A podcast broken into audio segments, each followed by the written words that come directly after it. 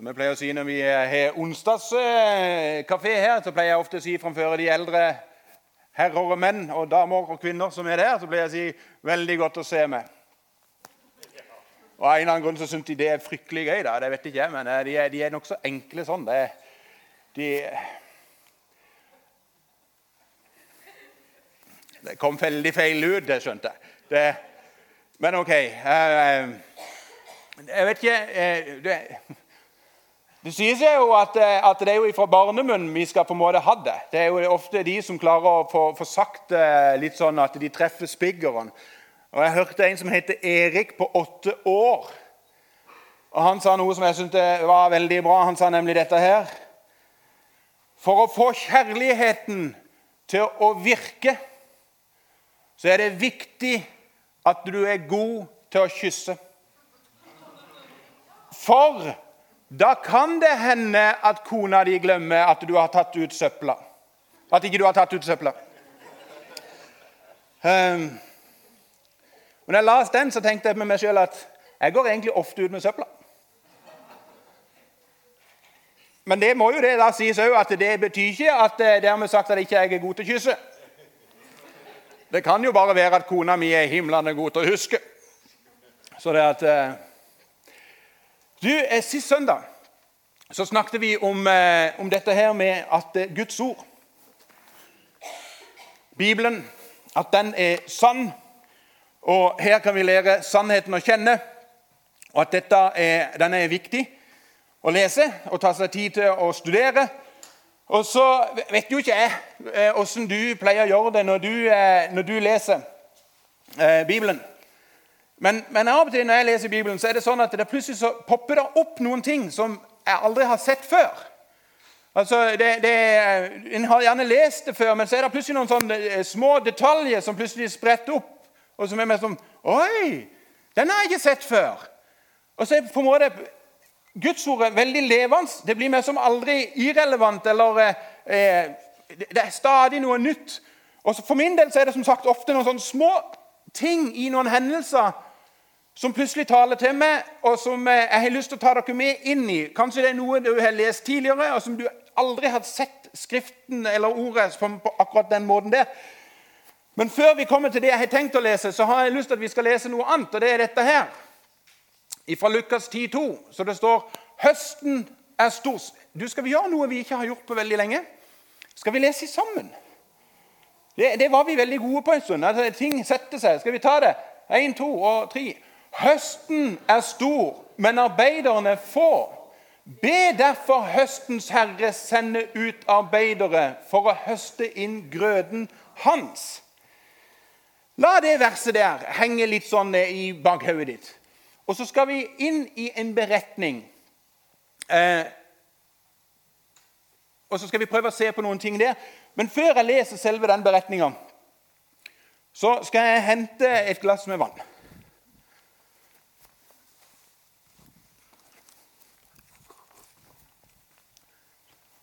Det som jeg har lyst, jeg har lyst til å si noe før jeg leser tekster, for det, det har skjedd noe før vi kom inn. Eh, I, når Jesus var på jord, i en liten landsby som heter Betania, så bor det tre søsken. Martha, og Maria og Lasarus. Og eh, Dette er veldig gode venner av Jesus. Han er ofte innom de når han er i det området der. Han trives sammen med de. Og så skjer det at Lasarus blir syk. Jesus er ikke der da, så søstrene sender bud på Jesus. Og på en måte informerer Jesus der han er, om at eh, du, Lasarus er syk. Med et stort ønske om at eh, da slipper du Jesus alt du har i hendene, og så kommer du til Lasarus, for vi har sett deg gjøre under. Og så er det det rare er at eh, når Jesus får beskjeden om at Lasarus er syk, så slipper han ikke alt. Han blir værende der han er i noen dager til. Og Så informerer han plutselig disiplene og så sier han, du, nå skal vi ned til Betania. og Vi skal treffe Lasarus. Eh, Dvs. Si Lasarus er død.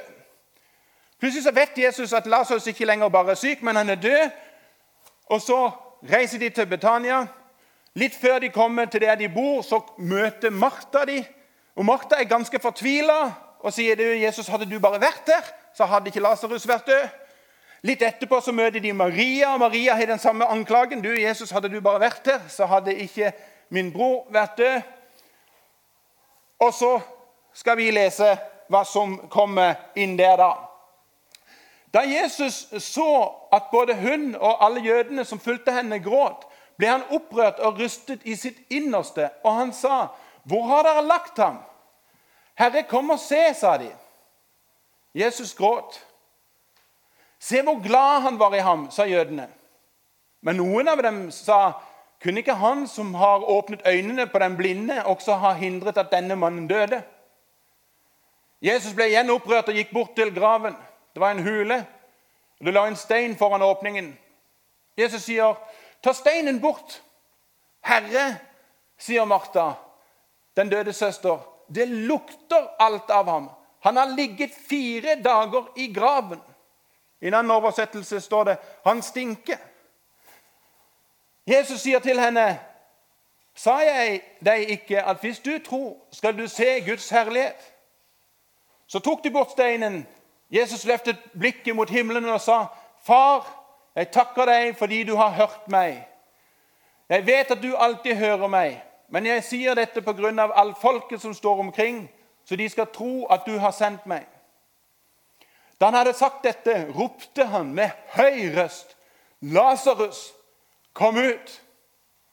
Da kom den døde ut, med liksvøp rundt hender og føtter og med et tørkle bundet over ansiktet. Jesus sa til dem, 'Løs ham og la ham gå.' Skal vi be. Jesus, takker deg for det at du er her med din ånd. Takker deg for det at vi kan få lov til å ha fellesskap med deg. Jeg ber deg om at du åpner ditt ord for oss. Det ber jeg deg om i Jesu navn. Amen. Høsten er stor, men arbeiderne få. Be derfor høstens herre om å drive arbeidere ut i grøden. Hva har det med den teksten med Lasarus å gjøre? Ingenting. Egentlig. Men det er noen ting i den teksten med Lasarus som har vekka min interesse der jeg ser plutselig noen prinsipper som handler alt om dette her med å være med i høstarbeidet. For at Jesus sa at skal, han inviterte oss inn i et høstarbeid. Altså det vil si, det var det siste han sa når han var her. Før han reiste, så sa han meg er gitt all makt i himmel og på jord. Gå derfor ut og gjør alle folkeslag til disipler idet dere døper dem til Faderens, Sønnens og Den hellige ånds navn, og lærer dem å holde alt det jeg har befalt dere. Og se, jeg er med dere alle dager inn til verdens ende. Det var mest som befalinga han ga oss om at vi skulle være med i et høstarbeid. Jesus sier, 'Be høstens herre om å sende arbeidere ut for å høste inn hans grøde'. Og så er det noen ting i denne her settinga her som vi som menighet tar til oss. Vi har sagt dette her at vi har en visjon om å knytte mennesker til Jesus. Og Så kommer vi til denne her bibelberetninga her, som jeg tenker Hva skal vi lære ut av dette? Jeg tror nemlig det ligger noen små, sånn, konkrete, praktiske ting i denne beretninga som kan hjelpe oss. Og jeg skal løfte opp tre ting som vi kan ta med oss ut herifra. Alle tre ting, altså disse tingene, Noen av tingene handler spesielt om samspill. Og jeg digger samspill. altså Når du kan gjøre noe sammen. Jeg er så heldig at jeg er bestefar til lille Philip. Og lille Philip han elsker å jobbe sammen med sin pappa, min svigersønn Fredrik. Altså dette her er disse to. Altså Skal pappa stå i stien, så skal Fredrik stå i stien. Nei, skal, så skal Philip stå i stien. Og skal pappa klippe plenen, så skal Philip klippe plenen. Altså, Vi gjør det sammen. Altså, Det er ikke snakk om at vi kan bare én kan gjøre det. Nei, vi gjør det sammen. Og Han er der hele tida, Philip. Skal vi bake, så skal han bake. Skal bestemor lage kaffe, så skal Philip lage kaffe. Altså, Vi gjør det sammen.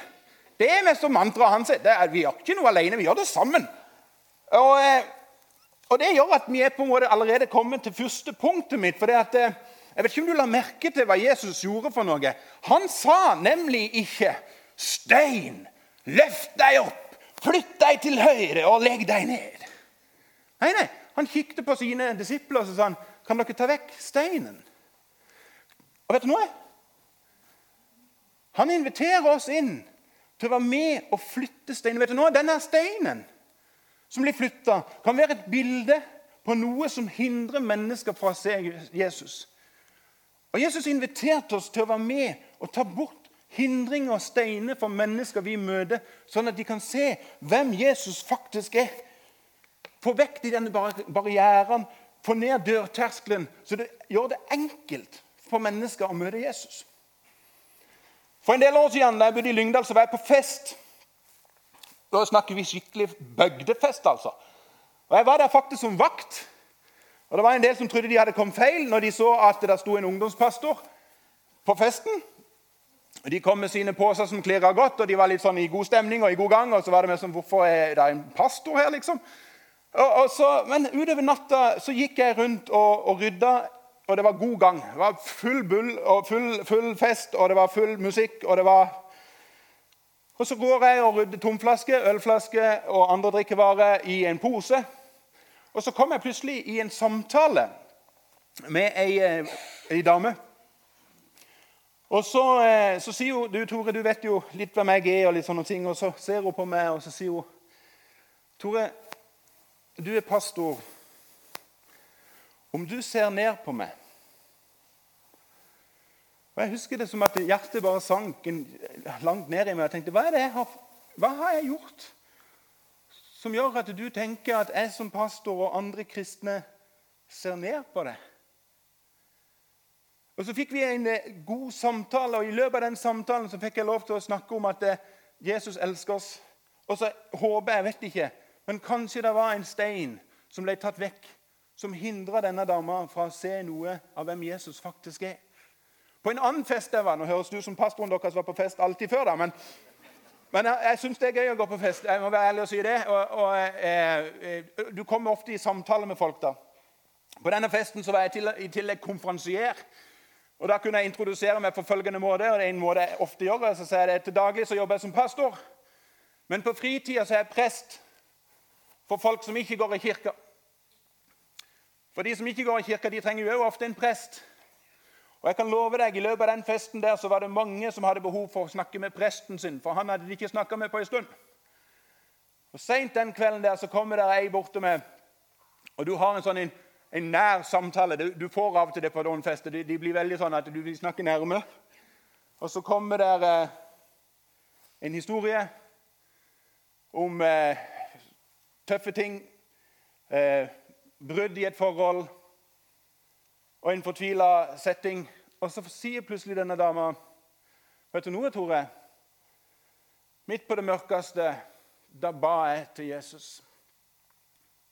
Og så ser hun på meg så sier hun, Men tror du han hører på sånne som meg?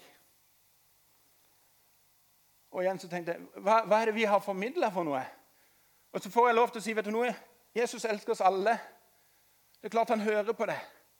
Det er klart han ønsker å være deg nær.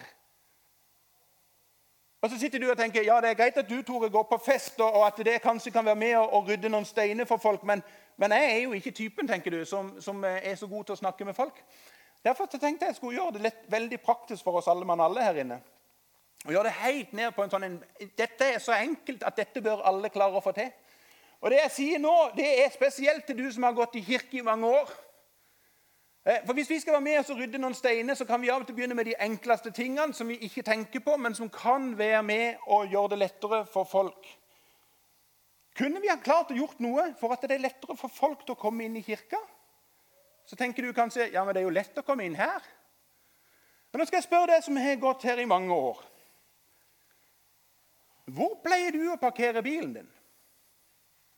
Nå snakker jeg mest til meg sjøl, altså. Jeg har bare lagt merke til at jeg prøver alltid å parkere så nærme døra som overhodet mulig. For jeg kjenner jo på at det, det, er jo greit at jeg kommer altså Jeg har jo alltid litt dårlig tid, så jeg må jo klare å få en fin plass. Og så er jo jeg litt en, litt viktig mann og alt det der. Og, og, og så prøver en på en måte å sørge for at en får en bilplass som gjør at jeg har det greit. Men hva om vi hadde gjort det motsatt og tenkt at eh, vi parkerer så langt vekke som overhodet mulig, sånn at de beste parkeringsplassene er til de som ikke pleier å gå i kirka? Sånn at vi gjør det bitte grann enklere. Og så vil noen tenke ja, men vi har jo stor parkeringsplass. Ja, det har vi. Men vær ærlig. vi parkerer så nærme døra vi bare kan. Hva med når vi kommer inn her inne? Har du noen gang tenkt på hvorfor du sitter der du sitter? Eh, kona mi og meg, Hvis ikke vi er på gudstjeneste her, så er vi alltid på gudstjeneste en annen plass. og jeg vet ikke hvorfor, men Kommer vi inn i en kirkesal, så sitter vi alltid på høyre side. Jeg vet ikke hvorfor, men vi sitter alltid på høyre side. Men jeg har jo lagt merke til at det som regel så er det god plass på de fremste radene. Eh, som gjør at av og til, hvis det er mye folk, så kan det være vanskelig for nye å finne plass. og Da må de ofte gå langt fram. Og Da kan vi andre sitte der i benkene og tenke det var noen nye. Se på de, ja. De kom litt for seint. Nå er ikke det et problem her, for her kommer stort sett alle for seint. Eh, men, men, eh, men, det skal ikke så mye til for å gjøre det bitte grann enklere for noen nye å komme til. Altså, Det handler om å ta vekk noen sånne små hindringer som kan være med og gjøre det lettere for folk å komme inn. Skal jeg stramme det litt til? Gjøre det litt mer avansert? Litt mer, litt mer større utfordring? Hva med å invitere noen av de nye som du har sett her i kirka, hjem til deg sjøl? Ikke tenk det gjør noen andre. Det er kanskje akkurat du som skal invitere med deg den personen hjem. Eller kanskje ikke du har truffet dem her. Kanskje du har truffet dem på jobb, på fritid, på skolen. Inviter dem, sånn at de kan få lov til å kjenne seg inkludert. Kanskje for alt det du vet, så er det akkurat de menneskene der som kommer til å bli noen av de beste vennene du får framover. Og vet du noe? Når du har invitert dem med deg hjem, så kan du jo invitere dem med deg til kirka. For da er det jo mye tryggere for dem å komme, for da kommer de jo sammen med deg. Og så er det jo så fint for alle de som pleier å gå i kirka. De har jo satt seg langt framme, så alle stolene bak er jo ledige når du og den nye kommer. Det skal av og til ikke så mye til å ta vekk noen steiner som kan være til hinder for at mennesker skal møte Jesus. Men for den som opplever at steinene blir fjerna, så kan det bli livsforvandlende. Og Det gjør at vi er inne på punkt nummer to. Når steinen og barrierene er borte, vet du noe? Da går vi til sides. For da er det ikke noe samspill lenger mellom oss og Jesus. Da er det bare Jesus alene som kan føre et menneske fra død til liv. Lasarus kom ut. Vi synger det i en sang, en av lovsangene våre. så synger vi det, Fra død til liv. Fra fange til fri. Fra tapt til funnet. Vet du noe? Når mennesker møter Jesus for første gang, så er det ikke snakk om at de blir bitte grann bedre versjon av seg sjøl. Nei, nei, nei. Det blir et nytt liv med en stor L. Livet med stor L. Og Jeg har ofte lurt på hvordan hørtes det ut når Jesus ropte dette her. Lasarus, kom ut! Jeg vet ikke. Men jeg innbiller meg at jeg vet litt mer om hvordan de som sto rundt, så ut. For jeg har sjøl stått i noen ganger i sammen med noen som møter Jesus for første gang, og så sier jeg, 'Jeg tar imot deg, Jesus, som min frelser'. Og så har jeg stått på sida di og sett Wow! Her er det et liv som blir forvandla. Fra død til liv. Det er en som kommer og skaper et nytt, pulserende liv. Et evig liv. Og vet du noe? Hver gang jeg får lov til å oppleve det, så kjenner jeg bare en enorm begeistring. Og kjenner bare så takknemlighet for at jeg har fått lov til å være vitne til at akkurat det skjer. Og det gjør jo at når det skjer, så starter jo samspillet igjen. For hva er det Jesus plutselig sier at det skal skje etterpå? Jo, vi inviterer til samspill. Altså, jeg må bare forresten vise dere en liten ting. Altså, Lille Philip han elsker samspill. Bare se på dette her. Kan mamma og pappa dra trekkere, så kan vel jeg uttrekke meg. Altså, det er ikke noe, altså, Vi kan bare kjøre på. Det er ikke noe problem. Vet du noe? Vi er kalt, når mennesker møter Jesus, til å være med og disippelgjøre dem. Vet du, Det er jo ikke sånn at uh, idet du blir en kristen, så er på en måte alle ting på stell. Jeg er så utrolig takknemlig for at det har vært enormt mange mennesker som har vært med og disippelgjort meg den dagen jeg ble en kristen. Altså Som tørde å involvere seg i mitt liv, til tross for at mange ville si at han stinker. De tørde å invitere både meg og min kone med på et ekteskapskurs. For jeg tror det var det første som måtte på plass For det, det, ekteskapet så ikke bra ut, og forholdet til mine barn var ødelagt. Så starter det en disippelgjøring. Og så er det noen som tør som sagt, å invitere oss inn i det ekteskapskurset. Så begynner en å jobbe med hvordan kan vi få dette forholdet her til å fungere. Og så tør de å gå på sida av oss, spesielt på sida av meg. Og det er Noen av de som jeg tror rista noen ganger på hodet og tenkte han her vet jeg ikke helt om jeg orker å være sammen med, for det er så mye bagasje i denne her fyren her. Men Gud hjelper oss til å være med og disippelgjøre ham, for han har jo sagt, sagt, ja til Jesus, og det må jo skje en eller annen forvandling. Og Så vil jeg jo håpe og si at ja, det har det faktisk skjedd. Jeg tror ikke jeg hadde stått der hvis ikke. Jeg tror alle hadde vært her, hadde det ikke vært for det var noen som tør å si vet du noe, jeg vil være med og disippelgjøre deg. Sånn at du er en etterfølger av Jesus og lærer han bedre og bedre å kjenne.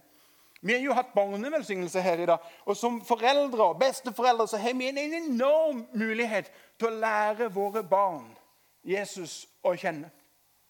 For de følger jo alltid med på hva vi gjør for noe. Gjør vi noe, så gjør de det.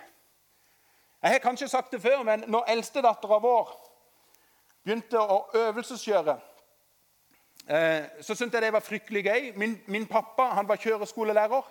Så det å være ute og øvelseskjøre det var jeg ganske dus med. Og Vi hadde holdt på en liten stund, og så kommer vi til en sving. Og så tar Marianne og kutter den svingen noe så helt grassat. Hun er langt over i motsatt kjørefelt. Og jeg bare med som, som far og den omsorgen en har, tar tak i rattet og røsker oss tilbake. og Jeg blir faktisk litt sånn sint, for jeg ble så redd. Men så hva i all verden er det du tenker med for noe? Og Så kikker hun på meg helt rolig og så sier hun, 'Ja, men pappa, denne svingen her, den kutter jo du alltid.'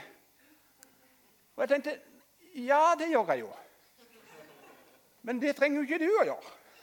De ser hva vi gjør, disse små. De følger med. så derfor så, altså, La de få lov til å erfare at det du holder på med, er viktig. Her kommer noen helt, jeg, jeg, jeg har lyst til å gi deg noen helt konkrete små tips, om dere vil eller ikke. Bruk tid til å lese f.eks. barnebibelen sammen med barn. Om det er tantebarn, onkelbarn, nabobarn, egne barn, barnebarn, oldebarn Hvem som helst som du tenker dette mennesket her kan jeg få lov til å lese og så noen ting inn i. Men jeg har lyst til å si i tillegg La de ikke bare se at vi leser barnebibelen sammen, men la de se at du leser din bibel. La de se at Bibelen er viktig for deg. La de se at du blar i den. La de se at du streker unna den. Hjelp dem til å forstå hvorfor du streker unna. Og La de få lov til å bla i den. og på en måte, Hvorfor står det understrekninger her? Hvorfor har du skrevet noe i margen der, bestefar? Hvorfor, altså, og så kan du få lov til å få en fantastisk samtale med barn jeg har sagt det før at den som åpna Bibelen for meg Hun var i fjern slektning. Jeg tror hun var noe sånn grand, grand, grandtante ekko-ting. Hun var høngammel, mange og 90 år, og Bibelen hos var helt utslitt. Men hver gang jeg var der, så løfta hun Bibelen fram og så sa hun, vi må lese noe fra Bibelen før du gjenger. Og jeg tenkte, Hva i all verden er det med den boka der som er så spennende? Og så skapte hun en interesse. Kan du være med og skape en interesse for Guds ord for, for små barn? La barna dine få lov til å være med i bønn. Lær de å be små bønner. Lær de å be høyt. Hjelp de til å sette ord på det som ligger de på hjertet. La de få lov til å se når du ber. Ta de med deg på, i kirka, på søndagsskole, gudstjeneste. Når de blir ungdom, ta de med på i Focus. Og skal du på dugnad, ta alltid med deg barna når du er på dugnad her i kirka. Det er kanskje et dårlig argument, men, men eh, eh, jeg vet faktisk hovedgrunnen til at jeg ble medlem i Misjonskirka i sin tid i Lyngdal. Det var rett og slett fordi at eh, jeg visste at hvis jeg blir medlem, så blir jeg automatisk på vaskelista. For der var det sånn at det var på en måte sånn Står du som medlem, så er du den privilegerte, heldige vinner av å være på vaskelista. Og jeg tenkte hvis jeg står på vaskelista, da kan jeg ta med meg mine barn på dugnad. For da skal de se at pappa er så glad i Jesus og kirka at han er villig til å vaske både pissoar og toalett. Og det gjør jeg aldri hjemme. Det kan jeg være ærlig si. Men i kirka så gjør jeg det gjerne. Og de, Jeg tok de med meg hver eneste gang vi skulle inn der. Så sa jeg jeg, jeg vasker toalettene. Og ungene med som Skal pappa vaske doen? Med som, gjør vel. Eh, men det har noe med å vise hva som er det som er det viktigste for deg. Det er utrolig mange ting vi kan få lov til å gjøre for at mennesker skal bli etterfølgere av Jesus. Bare ikke havn i den grøfta som heter 'Jeg har så mange unnskyldninger for å ikke gjøre det'. Unnskyldninger om at 'jeg har ikke tid', 'jeg er ikke god nok', 'jeg har alltid så dårlig tid at jeg må parkere nærme døra'.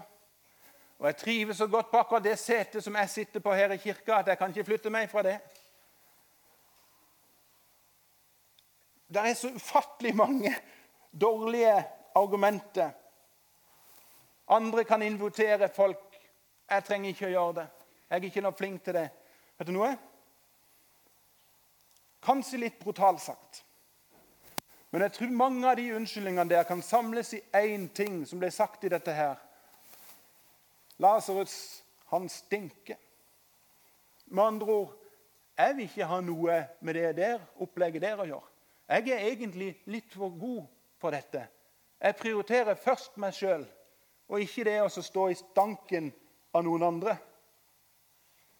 Hva er din unnskyldning for å slippe?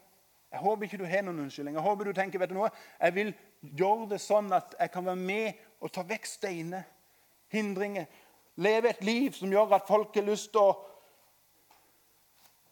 bli etterfølgere. Hjelpe folk til å bli disippelgjort. Og vet du noe? Det fine er det er at eh, hele tida så handler det om å gjøre det sammen med Jesus. Du gjør det aldri alene. Philip og min svigersønn, se på dette.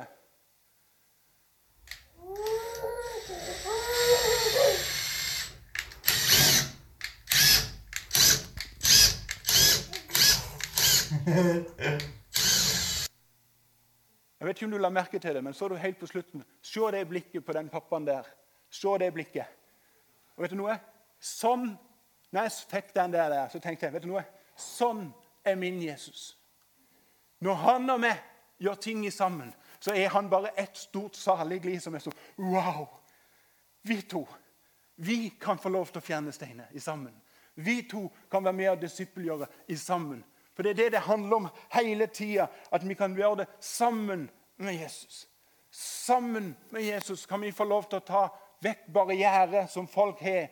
Få vekk tankegods som sperrer for at folk ser Jesus. Hjelpe folk til å kunne se hvem Jesus faktisk er. Være med og disippelgjøre barn, tenåringer og voksne. Alt gjør vi sammen. Og vi slipper å gjøre det i egen kraft. Og alt er hele tida for dette her Høsten er stor, men arbeiderne få. Be derfor høstens herre sende ut arbeidere for å høste inn grøden hans. Har du lyst til å være med på tidenes høstarbeid? Vet du noe? Jeg tenker ofte det at det er ikke det at folk ikke er interessert i Jesus. De har bare ikke møtt han ennå.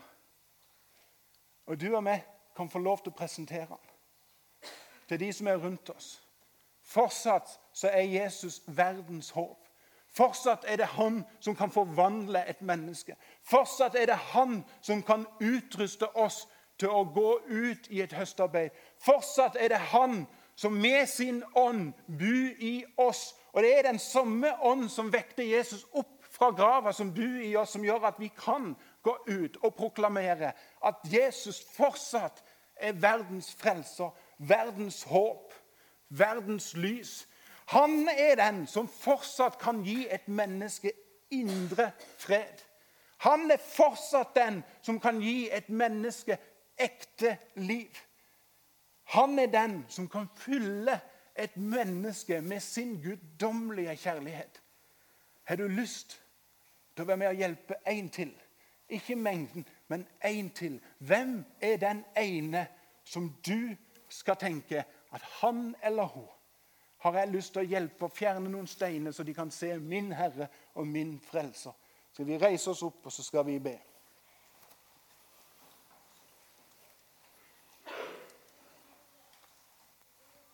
Jesus, Jeg takker deg for det at eh, du er her med din ånd. Jeg bare ber deg, Jesus, om at eh,